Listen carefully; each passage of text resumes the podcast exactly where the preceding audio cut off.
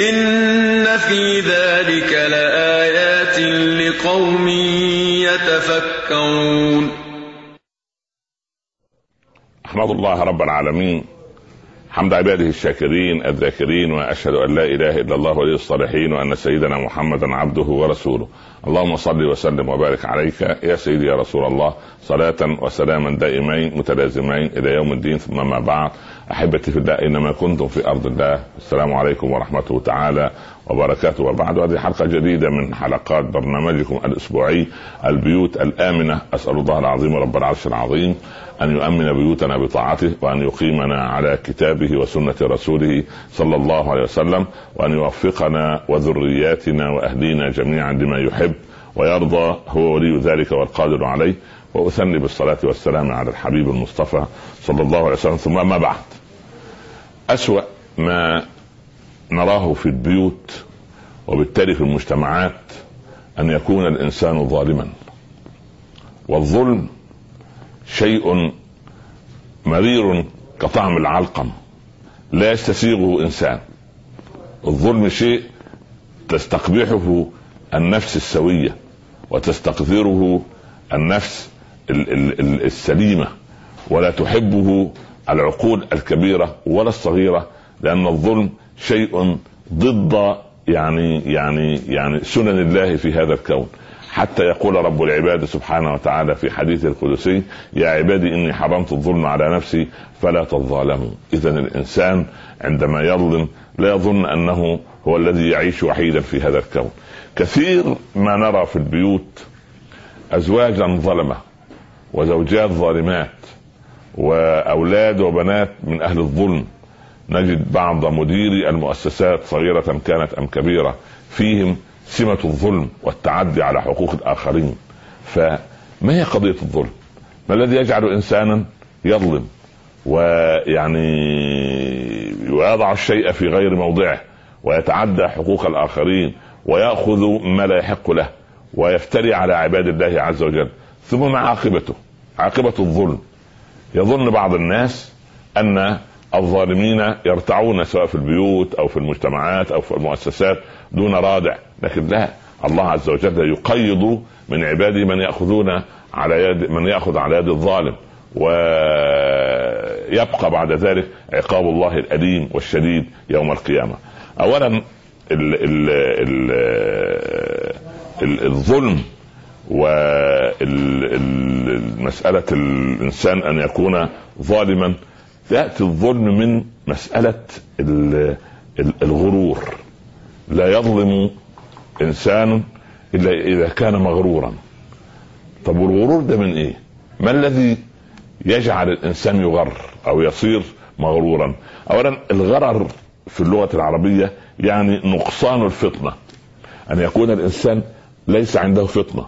الفطنه ترتبط بذكاء العقل وذكاء القلب. ذكاء العقل بألا يضيع حياته غرورا وكبرا وتيها وظلما. يعني يرى أنه ليس إلا هو في هذا الكون.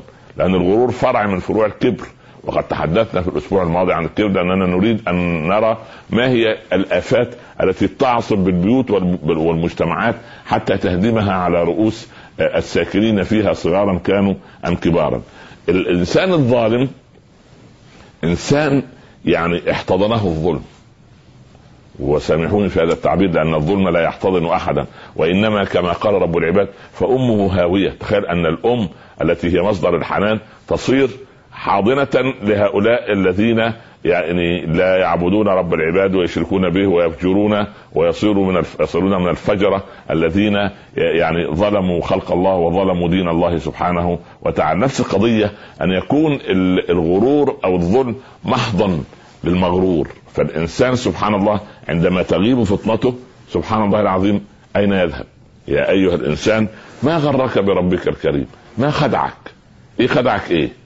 أيها الزوج ما الذي خدعك فصرت مغرورا ظالما لزوجتك إلا لأن الله آتاك مالا أو آتاك علما أو آتاك خيرا أو آتاك عزوة أو قبيلة أو جاها وكرسيا معينا فعندئذ تتعدى على هذه المسكينة. سبحان الله. والإنسان المغرور يجب أن يعلم أن الغرار في اللغة هو نقصان لبن الناقة. هذا التعبير المصطلح في اللغة. يعني هذا المصطلح اللغوي أن ينقص إذا نقص. لبن الناقه يسمى إيه؟ يسمى الغرار والإنسان المغرور الظالم سبحان الله ولا يكون ظالما إلا إذا كان مغرورا ولا يكون مغرورا إلا إذا كان متكبرا. فهي مثلثة ثلاثية غير مقدسة. بالعكس هي ثلاثية ثقيلة الظل. يعني يسأمها الإنسان الحر. ولكن كارثة الكوارث أن يدعي كل واحد منا أنه مظلوم. يدعي كل واحد منا أنه ليس مغرورا. أنه ليس متكبرا لكن لنضع الموازين على الإيه؟ يعني نضع الموازين فنرى. اولا ال ال الإنسان الظالم إذا أول ما يكون مغرور يبتدي يظلم. يعني هو سكون النفس لما يوافق الهوى. هواه يقول له اظلم الزوجة. هواه يقول لها نكدي على الزوج. هواه يقول له ائذي الجار. هواه يقول له عق أباك. هواها يقول لها تمردي على أمك. هواه يقول له اظلم الموظف الذي لا ناصر له إلا الله.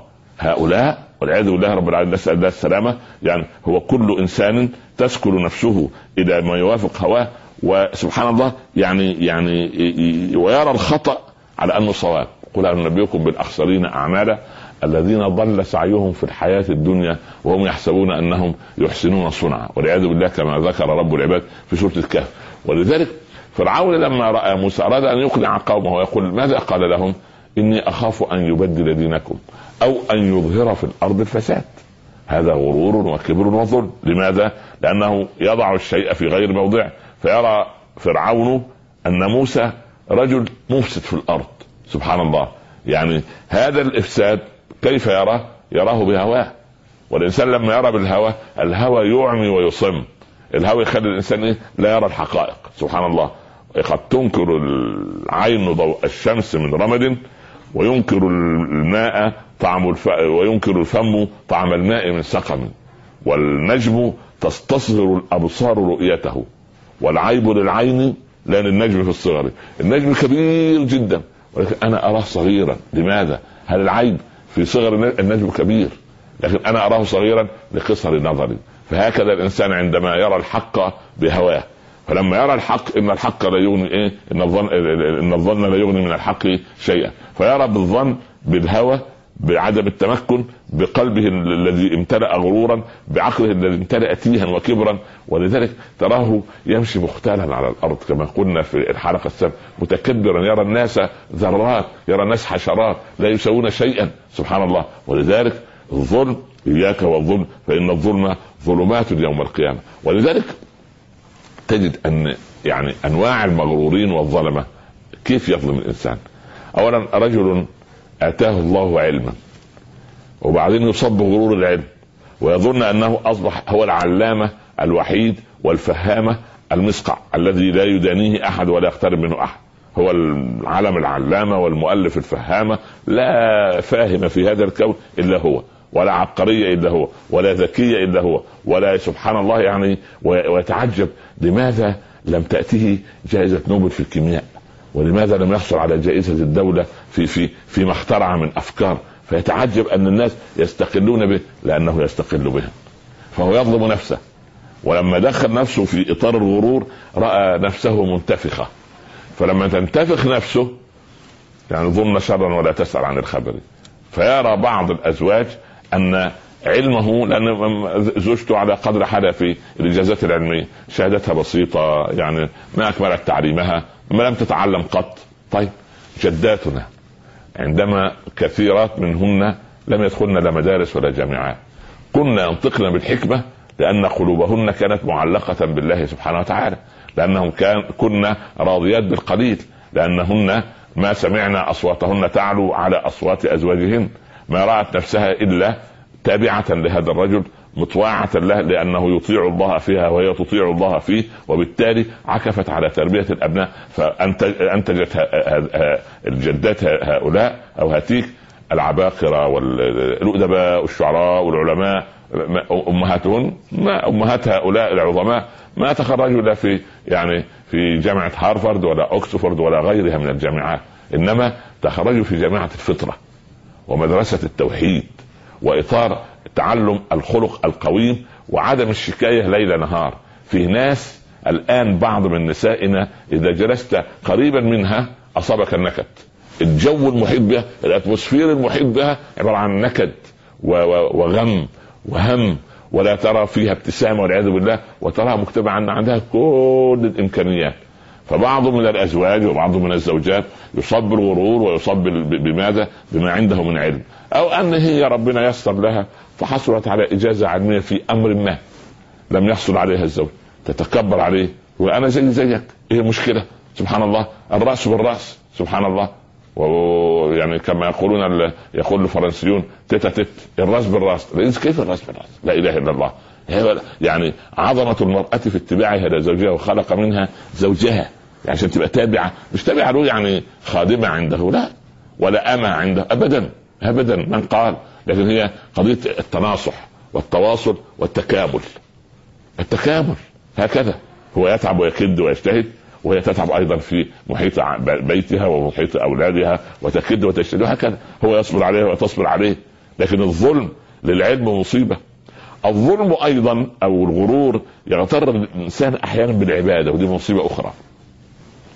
فالمنتقبة ترى الغير ملتزمة بالدين المنتقبة ترى نفسها أفضل منها وهذه مصيبة أخرى.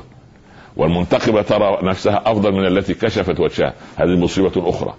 والمحجبة التي كشفت وجهها ترى أنها أفضل من التي لبست قصيرة. احمد الله على نعمة الله أن رزقك الله ستر جسدك كما أمر الله. ده شيء جميل. لكن الغرور والكبر والتجبر والتعدي والنظرة إلى الأخريات التي ما يعني سلكنا طريق الهدايه بعد أو ما سلكت الهداية طريقها إليهن بعد أنك أفضل منهن هذه مصيبة هذا كبر. والكبر يعني من كان في قلبي مثقال ذرة من كبر لن يدخل الجنة. مثقال ذرة. أما كل ما تري يعني قريبتك أو صديقتك أو جارتك أنها غير ملتزمة بأمر من الأوامر وترى أن نفسك أفضل منها هذه كارثة كبرى ربما هي أفضل منك في أمور أخرى. أنا لا أقر أن تتعرى امرأة أو أن تكشف شيئا عن جسدها لا يجوز أن تكشفه مش معنى كده أن إحنا نقر هذا لا. نحن نقول أننا يجب أن ننظر إلى الآخرين أننا فينا عيوب أكثر منهم. إذا رأيت نفسي مواظبا على على الصلوات الخمس وأرى غيري غير مواظب أحمد الله على فضل الله وأدعو له الله بالهداية. هكذا في أمر العبادة. عندما لا أخرج إلا زكاة المال فقط والآخر يخرج مع الزكاة صدقات كثيرة ويصنع أشياء طيبة من من صدقة جارية وغير ذلك. أنا من الواجب لا يعني لا أنظر إليه أنني أفضل يعني أن, أن, أن هذا أفضل من ذاك. لا بالعكس بالعكس. هذه كارثه كبرى. عندما ترى أن الله أيها الزوج رزقك عقلا نابها ولسانا لافظا وقلبا حافظا احمد الله على نعمة الله. ربما امرأتك عقلها محدود. ربما. ربما لسانها يعني غير لسانك الزلق اللي ما شاء الله تتقاطر منه الكلمات في كل حين طلقة سهلة. بالعكس انظر إليها أنها ربما هي أفضل منك عند الله. ربما هي مختارة عند الله سبحانه وتعالى. ربما هي أعظم درجة عند الله عز وجل. أما أن تتكبر بعلمك أو مالك أو تقول لها والله أنا أخذتك من هذه العائلة الفقيرة التي ما ملكت شيئا وأنا كنت أملك الضياع ابدا والله هذا هذا كبر وهذا ظلم وهذا تعدي وهذا غرور. فهذا هذا الغرور يضيع يضيع الإنسان. وانظر إلى من هو دونك ولا تنظر إلى من هو فوقك في أمور الدنيا. تسعد دنيا وأخرى. ولكي نكمل حديثنا عن الغرور والكبر والظلم نواصل إن شاء الله رب العالمين بعد الفاصل. كونوا معنا حتى نتواصل. أهلا بكم. إن في ذلك لآيات تفكرون مرحبا بكم أحبتي في الله مرة أخرى ونحن نتكلم عن أهل الظلم وأهل الغرور والعياذ بالله أعاذنا الله وإياكم من هاتين الصفتين القبيحتين التي لا يرضاهما الله ولا رسوله ولا المؤمنون. آه، نهاية المغرورين ونهاية الظلمة كيف تكون؟ شوفوا التاريخ أبو لهب الذي قال فيه رب العباد تبت يدا أبي لهب وتب. ما أغنى عنه ماله وما كسب سيصلى نارا ذات لهب. وامرأته حمالة الحطب في جيدها حبل من مسد. أبو لهب وزوجته أم جميل. ماذا كانت نهاية هذين العدوين لرسول الله صلى الله عليه وسلم؟ وهذا عمه ومن بطأ به عمله لم يسرع به نسبه. فأبو لهب لما جاء في آخر أيامه أصيب بمرض اسمه العدسة. العدسة دي زي الطاعون والعياذ بالله عزكم الله وشفى الله مرضى المسلمين. أصيب بالطاعون. فلما مات كان عبارة عن جيفة منتنه ذات رائحة كريهة ولم يستطع أحد أن يقترب منه حتى أولاده خشية العدوى. وجاء رجال من قريش قالوا لأبنائه كيف تتركون أباكم هكذا؟ يعني فضيحة في بلاد العرب ألا تخبروه وأنا أعينكم عليه. فجروه جرا ما استطاعوا حملة. لأن الرائحه منتنة كانت تخرج منه وخافوا على نفسهم العدوى فجروه جرا إلى أعلى الجبل ثم تركوه هكذا ولم يخبروه والعياذ بالله لأنه أكبر الخير داخله وأظهر الشر في يعني أو, أكبر الخير بعيدا عنه وأظهر الشر في جواره وإيذائه للنبي صلى الله عليه وسلم. أما أم الجميل حملة الحطب هذه سبحان الله العظيم يعني يعني إنسانة إيه، كانت يعني يقول العرب فلان يحطب على فلان. يعني يحطب على فلان؟ فلان يحطب على إذا نم عليه. فكانت كثيرة النميمة في المجتمع المكي. يعني فلان يحطب على فلان سبحان الله. ماذا كانت نهايتها؟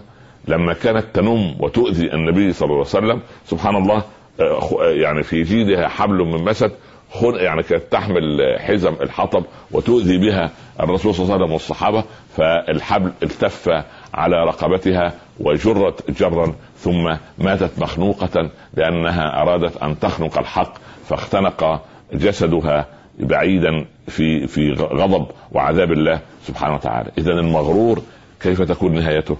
يعني سبحان الله هذه نهاية المغرور سبحان الله. عتبة وعتيبة أبناؤهما يعني أسرة كلها والعياذ بالله.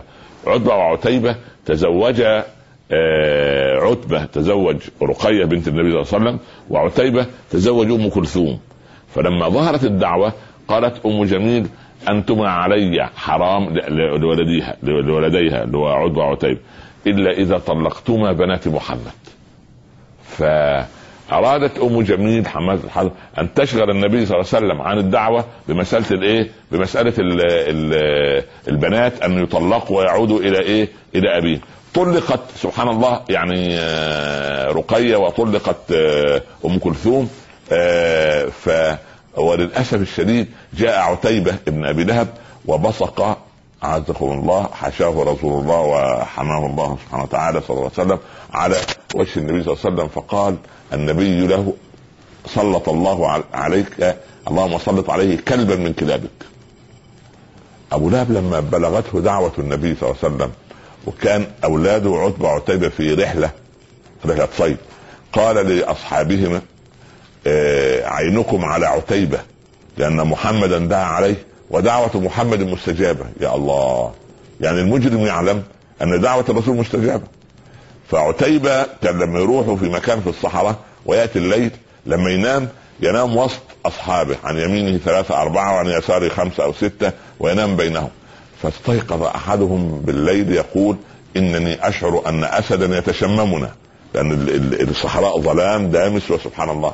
فقالوا يا رجل سبحان الله اتق يعني ما أقول هذا الكلام يعني آه، الأسد لا يشم إنما يأكل.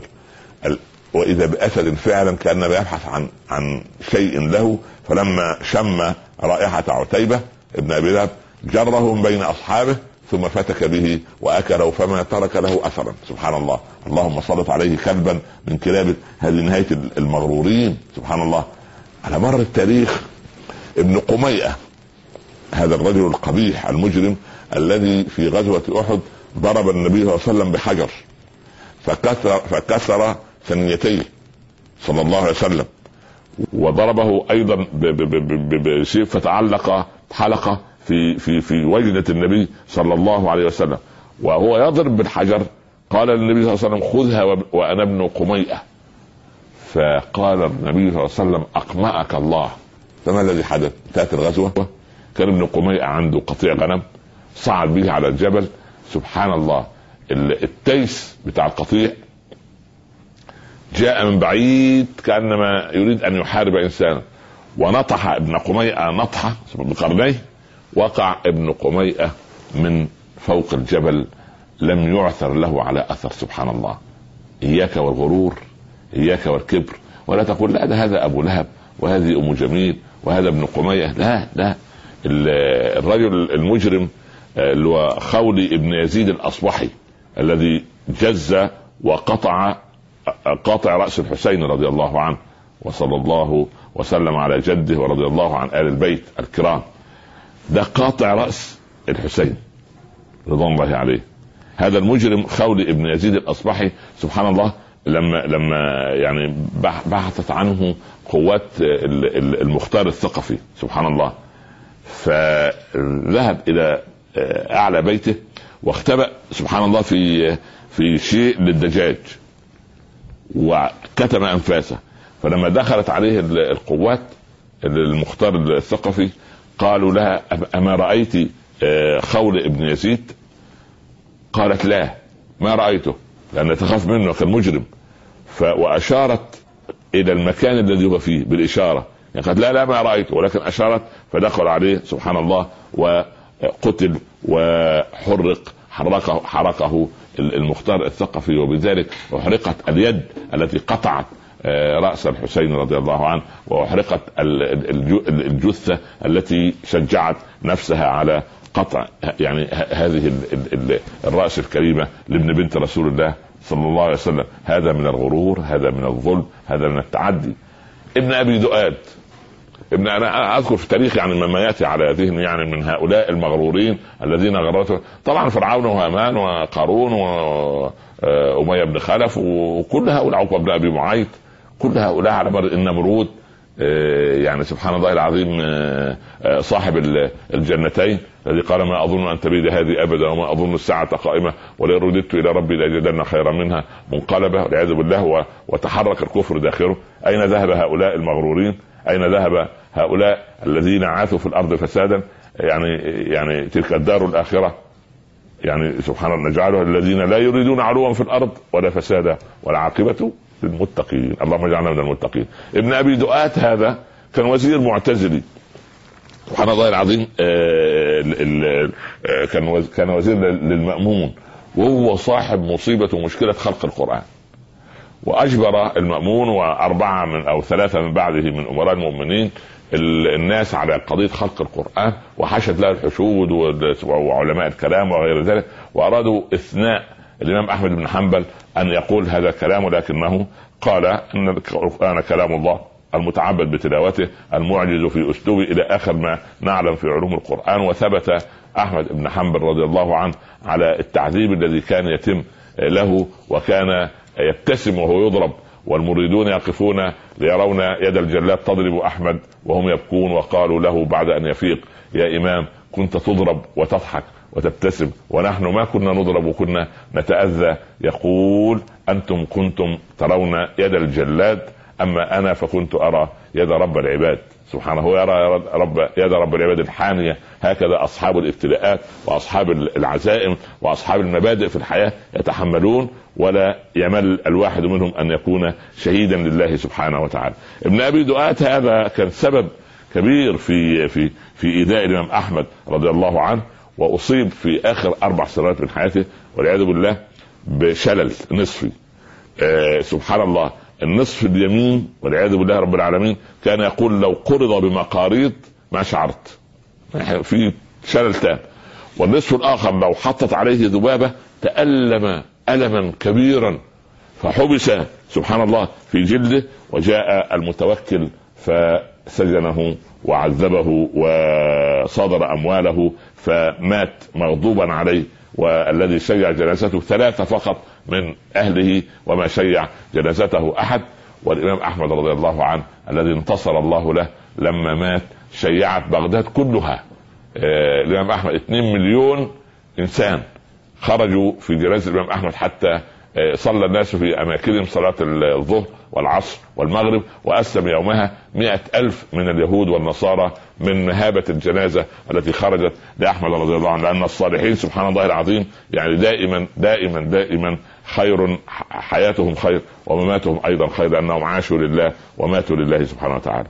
أما الحديث عن الحجاج هذا المغرور الظالم سبحان الله فقد قتل آه، في زمن 120 ألف مسلما. يا الله 120 ألف. يعني وكان آخرهم سعيد بن جبير رضي الله عنه ومات موتة سبحان الله العظيم يعني سيئة وكان سيدنا عمر بن عبد العزيز سيدنا عمر بن عبد العزيز يقول لو تخابثت الأمم وجاء كل واحد منهم بخبيثهم وجئنا بالحجاج لغلبناهم سبحان الله. يعني أخبث خلق الله في كل أمة. لو عملوا مسابقة عالمية إذا سبحان الله العظيم يعني نغلب الأمم التي تتسابق معنا في الخباء في في الخبث وفي الدهاء وفي الغرور والكبر والظلم. ولو جينا بالحجاج لغلبناه. فقال الحسن البصري عندما بلغه موت الحجاج قال اللهم يعني أرحتنا بموته فأمت إيه؟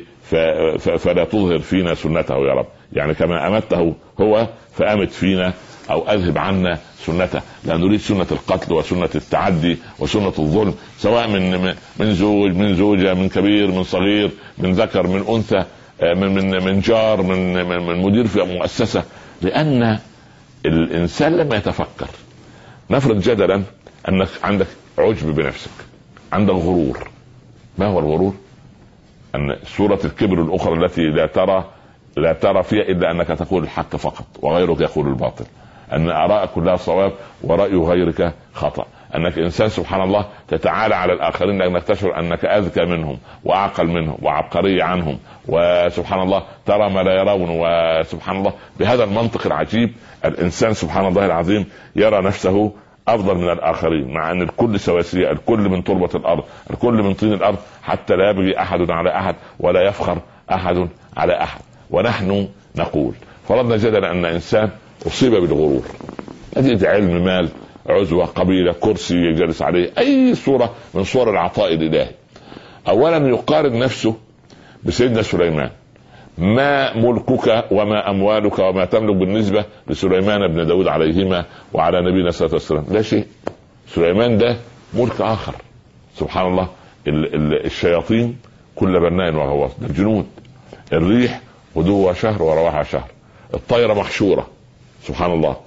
كل الطير محشورة واقفة الطيور عاملة إيه؟ تظلله وترفرف بأجنحتها تعمل هواء نقي سبحان الله وهواء آه، بارد سبحان الله. وفي نفس الوقت لا تنزل فضلاتها على عرش سليمان سبحان الله.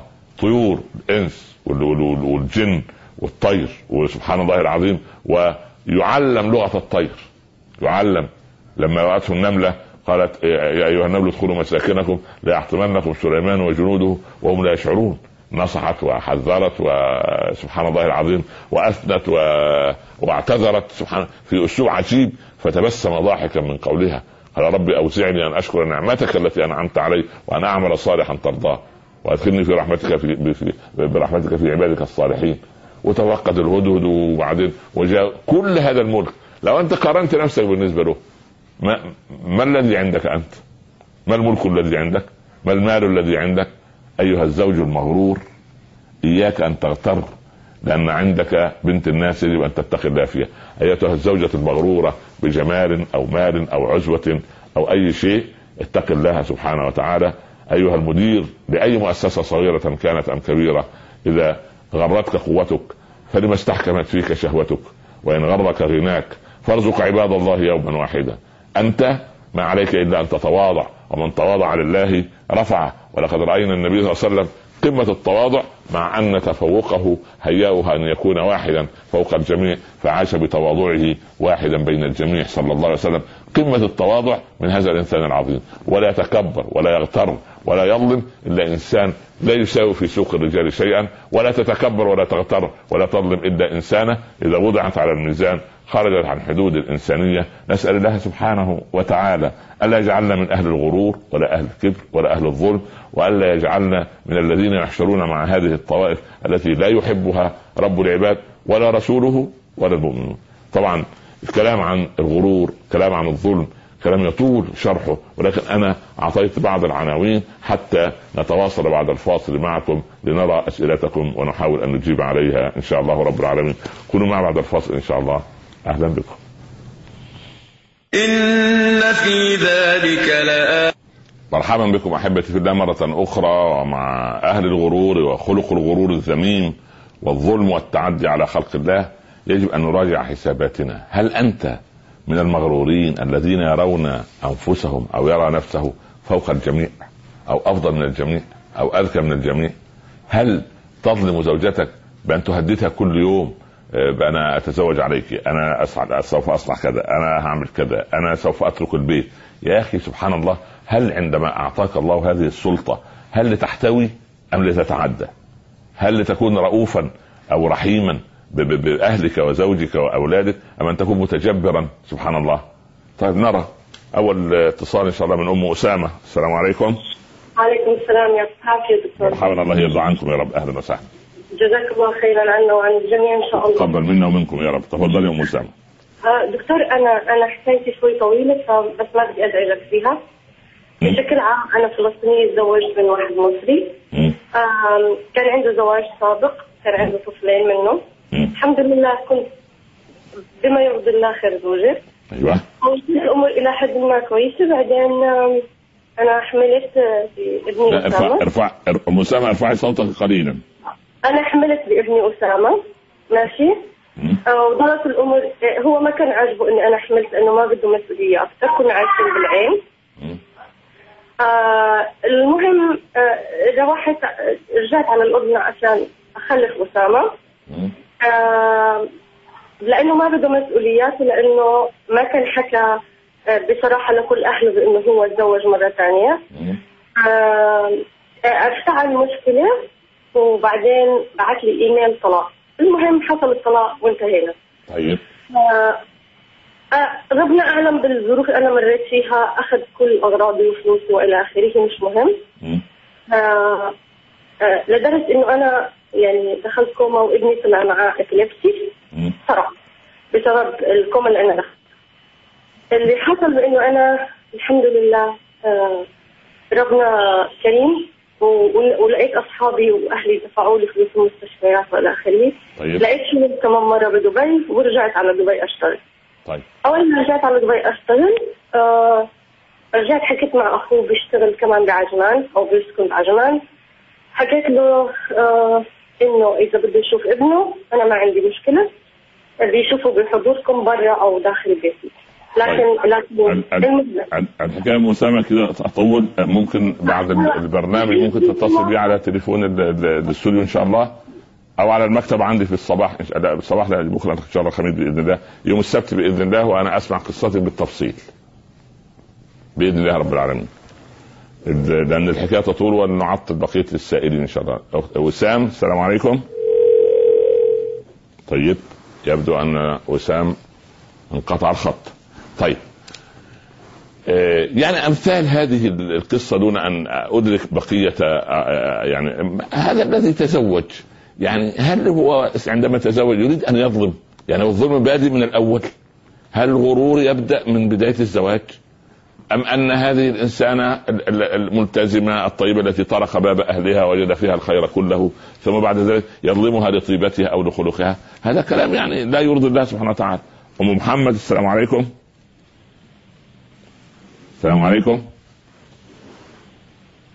يبدو أيضا أم محمد يعني لا نسمع صوت طيب. ال ال الإنسان الذي أعطي حاولي ام محمد مرة أخرى وسام أيضا نعمل محاولة أخرى إن شاء الله. آه الإنسان عندما يظلم سبحان الله العظيم لا يدرك وهو يظلم ويتعدى ويغتر أن هناك من هو أقوى منه من البشر. يعني إذا دعتك قدرتك على ظلم الناس فتذكر قدرة الله عليك. قدرة الله سبحانه وتعالى ليس لها منتهى وليس لها حدود. وبعدين الإنسان الآن إحنا قد يكون هذا الظالم أو هذا المغتر المغرور منعم بصحته منعم بماله منعم بعزة. فجأة تنقلب الأمور والليالي حبالة يلدن كل عجيبة. سبحان الله. الله يعز من يشاء ويذل من يشاء. قل اللهم مالك الملك. تؤتي الملك من تشاء. وتنزع الملك ممن تشاء. وتعز من تشاء. وتذل من تشاء. بيدك الخير. إنك على كل شيء قدير. اذا رب العباد سبحانه وتعالى بيده مقاليد الكون كله. فالإنسان الذي يغتر سبحان الله الله يسلط عليه من يؤذيه. ومن ظن ان ان ان يعني أن أنه ينام بعد أن يظلم لا. الله سبحانه وتعالى عينه لا تنام وعين المظلوم أيضا تدعو عليك بالليل وانت نائم أم سهيل السلام عليكم. السلام دكتور. وعليكم السلام ورحمة الله وبركاته. أه لو سمحت في حلقة من سبع سنين تقريبا تكلمت فيها عن الظلم. عن الظلم نعم. وقلت إن الناس اللي ينظلمون لازم يراجع نفسه. أكيد هو قاعد يظلم حد. نعم. أوكي. في هالفترة أنا ضليت يعني يعني ضليت أبحث أبحث من هذيك الفترة لين اليوم هذا. مم. أبحث أبحث ما في فايدة. يعني نعم. ما حصلت يعني مش أني أنا مغرورة بنفسي بس ما حصلت أني في يوم من الأيام ظلمت حد. طيب الحمد لله. زين فزاد الظلم من هذه من السبع سنين اللي كانت فيها الحلقة مالك تكلمت فيها عن الظلم زاد الظلم. فكلمت والدتي. فقلت لها إني يجوز إني أنا أدعي على ال على هذا ال- الظالمين.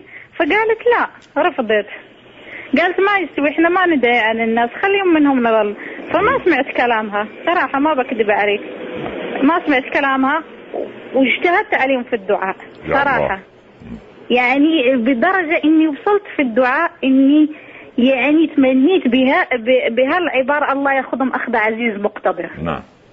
فهذا يجوز أو لا؟ هذا سؤالي. نعم. شكرا. بارك الله فيك. الله يرضى عليك يا رب طيب. آه تقول آه بنتنا أم سهيل أنني من سبع سنوات عملت حلقه أو برنامج عن الظلم وقلت إن من أسباب أن يظلم الإنسان أن يكون ظالما أن يكون ظالما. هي جزاها الله خيرا بحثت عمن يعني ظلمته فلم تجد ولا تزكي نفسها على الله. ولكن هي الذين ظلموها لم تستطع أن تأخذ برأي أمها أن تدعهم لله وإنما دعت عليهم وقالت اللهم خذهم أخذ عزيز مقتدر. طبعا للمظلوم حرية الدعاء. الله أعطاه هذا الحق. لا يحب الله الجهر بالسوء من القول إلا من ظلم. طالما الإنسان يظلم له حق أن يدعو بأي شيء كان. ف وهنا يشرح الله صدره إذا كان يعني من ال... من الألم والأسى من من ظلمه لأن الظلم مرير وبالذات لما يكون من الأقارب ومن الأهل. يعني وظلم ذوي القربى أشد مضاضة على النفس من وقع الحسام المهندي. فلك الحق أم سويد أنك وغيرك يدعو من المظلومين. لكن لو تركناه لله سبحانه وتعالى لن تقبل لنا منه. أم فارس السلام عليكم. وعليكم السلام يا أخوي. كيف صحتك؟ مرحبا الله يرضى عليك يا بنتي ويكرمك أنا الصراحه يعني صار لي خمس سنوات متزوجة. طيب. بس للأسف يعني ما دقت طعم السعادة ابدا مع زوجي لا لا لماذا يا ام فارس؟ أه ما بعرف يعني سيدنا الشيخ يعني حاولت بشتى الطرق إني أتعامل مع زوجي غيرت كل أساليبي نعم. غيرت حياتي غيرت نعم. يعني شو بدي أقول لك ما خليت ولا طريقة إلا أنا استعملتها معه لكن ابدا لا جدوى اللي صار إنه أنا انظلمت من أهله. آه، كلهم انقلبوا علي مرة واحدة طيب. والكل صار مقاطعني والكل صار ما يحكي معي. آه. هذا الشيء طبعا أثر علي أنا وزوجي كثير يعني. طيب. آه، طبعا لدرجة أنه رمى علي يمين طلاق. طيب. وأحرجني في البناية. نعم. وأنا ما عارفة هلأ شو بدي أعمل لكن ما بقول إلا يعني حسبي الله ونعم الوكيل. نعم نعم. آه، خمس سنين شفت تعب معاه. طيب بنفس الوقت ظلم في ظلم في ظلم يعني. يا الله. طب وسؤالك أم فارس؟ سؤالي إنه يعني آه، أنا الصراحة يعني هلأ بالنسبة لي ما عاد بدي أرجع له. نعم. و... وما عارفة شو بدي أعمل يعني. أنا بالنسبة لي هو يعني خانني واهاني و... واستعمل معي كل أنواع التعذيب نعم. اللي أنا يعني شو بدي أذكر لك يا سيدنا وهل الشيخ هل, هل هو ترك البيت وتركك ولا أنتوا لسه عايشين مع بعض؟ لا لا عايشين مع بعض على بس إنه يعني ما في بيننا أي شيء. على كراهية يعني. أو على بغضاء. وسب وغلط طبعا أكيد طيب طول النهار. أنا, أنا أكلمكم بفارس حاضر بارك الله فيك. بارك الله فيك. أبو تمام السلام عليكم. وعليكم السلام. آه، سيدنا الشيخ كيف حالك؟ مرحبا يا ولدي. الله يكرمك الله يبارك فيك. ال- الله يخليك يا رب. سيدنا الشيخ أنا بس آه، كان استفساري لل- لموضوع ال- الاستكبار اللي كنت تحكي عنه حضرتك. أيوة. أنا اللي صار معي اني تقدمت ل- لناس. فالبنت اللي أنا شفتها يعني هي متخوفة من أهلها. هلا هي كبيرة وأنا كبير فطبعا يعني مش مش عارف كيف بدي أحكي لك الموضوع بس إنه اللي اللي صاير إنه هي بتقول لك إنه أنا خايفة من أهلي. إنه أهلي أهلي وضعهم المادي أفضل من وضعك. إنه خايفة من موضوع يشككوا بأنك أنت فات على طمعك طب هل هذا يعقل يعني؟ يعني لهالدرجة إنه ما عادش في أمان في في, ال- في الدنيا هذه؟ أنت أبو تمام متز... متزوجين منذ متى؟ أنا مش متزوج. أنا أنا أنا متقدم لها للبنت. آه متقدم لها. كيف نعم. نعم. فهي متخوفة إنه تحكي لها من باب الموضوع انه إنه يشككوا بإنه أنا فايت فيها إنه على طمع أو أو على هذا الكلام. آه يعني على أساس إن وضعهم المادي أكبر منك يعني. آه إنه هم أفضل مني في في الحياة المعيشية عندهم إمكانيات إلى آخره من, من الكلام هذا. طيب. حاولت إني أقنعها في شتى الطرق. وأنت ما تخ... يعني- وأنت أبو تمام ما تقدمت بعد. عفوا ما- أنت تق- تقدمت لها للخطبه تقدمت ولا لسه ما تقدمت؟ أنا هي على أساس إنه تعطيني الاوكي إنه لما تكون عاطي خبر لأهلها. آه. بس هي مش راضية إنه تفتح الموضوع لأهلها إنه خوف من إنه يشكوا آه بإني طبعا في المال يعني. آه طبعا فيها أو بالموارد اللي عند أهلها. طيب على كل وأنت بفضل الله لست طمعان لا في مال ولا غيره أنت تتزوجها لخلقها ودينها صح؟ أنا أنا لهذا الموضوع بس. طيب يا ولدي أنا أنا أرجو أن تكون تسمعني في الإجابة إن شاء الله أنا أجيبك وتكون هي سامعة إن شاء الله. بارك الله فيك. بارك الله فيك. أم رتان السلام عليكم. السلام عليكم. وعليكم السلام ورحمة الله وبركاته. ازي حضرتك دكتور الله عمر يبارك فيك ويرضى عليك يا بنتي. آه دكتور عمر أنا كان بس عندي سؤال. أنا متزوجة من سنة أيوه. و... ومقيمة بالإمارات هنا. طيب. آه بعدين لما بنيجي ننزل أجازة مصر زوجي مش بيحبني أروح أبات عند أمي أو أش... يعني بس أروح يوم واحد مم. اللي هو أسلم عليها وبس مم. لكن أبات أو أقعد معاها لأ أيوة. في نظير إن إحنا بنقعد الشهر كامل عند أهله مم. بس هو بيرفض تماما آه إحنا لسه ما عندناش شقة في آه. في مصر يعني فهو طيب. بيرفض تماما إن أنا وبعدين هو في اسكندرية وإحنا في القاهرة طيب يا بنتي يا بنتي هو معذرة كبيرة يعني هو يعني مرتبط بأهله ارتباطا شديدا؟ بأهله؟ آه. هو مرتبط بيهم وأنا كمان مرتبطة بيهم. يعني أح- يعني ما فيش مشكلة خالص. الحمد لله بيحبوك يعني الحمد لله على آه ود يعني. كتير. بس أنا ببقى مشتاقه لمامتي ببقى قاعدة سنة مثلا وسنتين طيب بنتي. هو مع السؤال ملتزم بالشرع ملتزم بالدين يعني؟ عنده الحس الديني؟ آه، يعني هن- هنقول 70% مم. مم. طيب. طيب. بس أنا أجيب بس أرجو المشكلة ليست. عندك يا بنتي المشكلة عنده هو. فإذا كان يسمعني إن شاء الله نوجه له كلمة إن شاء الله كلام أب لابنه إن شاء الله بإذن الله. طيب سؤال كمان معلش. نعم اتفضلي يا بنتي هل غلط يعني إن أنا لو اتصلت على أختي وجوزها رد عليا إن أنا أسلم عليه؟ لو عرف إن أنا سلمت عليه أو اتكلمت معاه جوز أختي مثلا بيعمل. مشكلة كبيرة. آه، غيور يا بنتي خالص زيادة عن اللزوم غيور يعني؟ غيور ما فيش خروج من البيت غير معاه. فانا بصراحه هو سامعنا هذه- دلوقتي. أنا هذه- نفسي توجه له كلمة يا رب يخليك طيب هذه الغيرة تسبب لك حرج كبير ولا غيرة أنت شايفة إنها زايدة عن حدودها شوية؟ بتسبب لي حرج مع إخواتي. طيب بارك الله فيك. بارك الله فيك. طيب أبو جراح السلام عليكم. بارك الله فيك أنت. السلام عليكم مرحبا. ورحمة الله وبركاته. يبارك فيك أبو جراح يا مرحبا. كيف حالك يا طيب؟ الله يرضى عليك يا طيب أنت بارك الله فيك أبو جراح. اخر شفتك في حلف ابو بكر في الكويت صراحة ويا الشيخ سليمان. الله يرضى عليك. يعني أول أمس نعم كنت محاضره في. الكويت نعم. شو أخبارك أنت إن شاء الله الله طيب؟ يرضى عنك دنيا وآخرة. ما هي الظلمات؟ الظلمات أنواع وما هي أشدها ووسطها وأقلها؟ حاضر حاضر. السؤال الثاني؟ سؤال سؤالك محاضرة أبو جراح ما شاء الله عليك. طيب سيدي. الله يسلمك. هذا يدعينا وياك يرحم الله يتقبل منا ومنك أبو جراح. شكر فضلك يا فيك. الثاني. نعم. آه في ناس مثل ماتوا الله يرحمهم كان عندهم ظلمات يعني كيف العيالهم أو بناتهم يكافرون عنهم أو أحد من شو رأيك أنت يعني؟ الذين ماتوا على ظلم يعني. ها؟ الذين ماتوا وفي رقبتهم مظالم أيوه في مظالم كثيرة أنا قرأت في الكتب وأنت تدري أكثر أنت شيخنا الكريم إن شاء الله. هذا في بارك بارك الله فيك أبو جراح وجزاك الله خير شكر الله لك عليكم. شكر الله. لك شكر الله لك آه نعود إلى ال- الأسئلة آه آه أم فارس تسأل أنها متزوجة من خمس سنوات ولم تذق طعم ال- السعادة قط وغيرت كل طريقة مع زوجها ولكن لم تأتي بنتيجة ولا بفائدة. آه، ظلمت من أهله وضايق ضايقها أهله وهو قد ينضم معهم إلى أن حصل الطلاق. هي لا تريد الرجوع.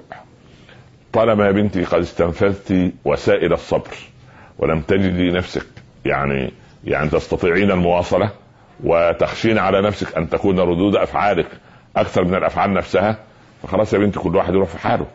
لكن يعني أود أن الأهل من الطرفين يكونوا أهل عقل وأهل حكمة كبار السن بالذات الحكماء في العائلتين يلتقوا ويجلسوا ويشوفوا إيه الوسائل التي يعني تخرق جدار الزوجية أو تخرق السفينة التي تمر ولا تجعلها يعني تمشي تسير سير الهوينة فلعل الله سبحانه وتعالى يجعل فرجا لكن إذا رأيت أنك آه، يعني لا تستطيعي صبرا وأصبحت تغتبيه في كل مكان أو عند قريباتك أو عند أهلك أو أو إلى كذا فهنا إن يتفرقا يغني الله كل من سعته.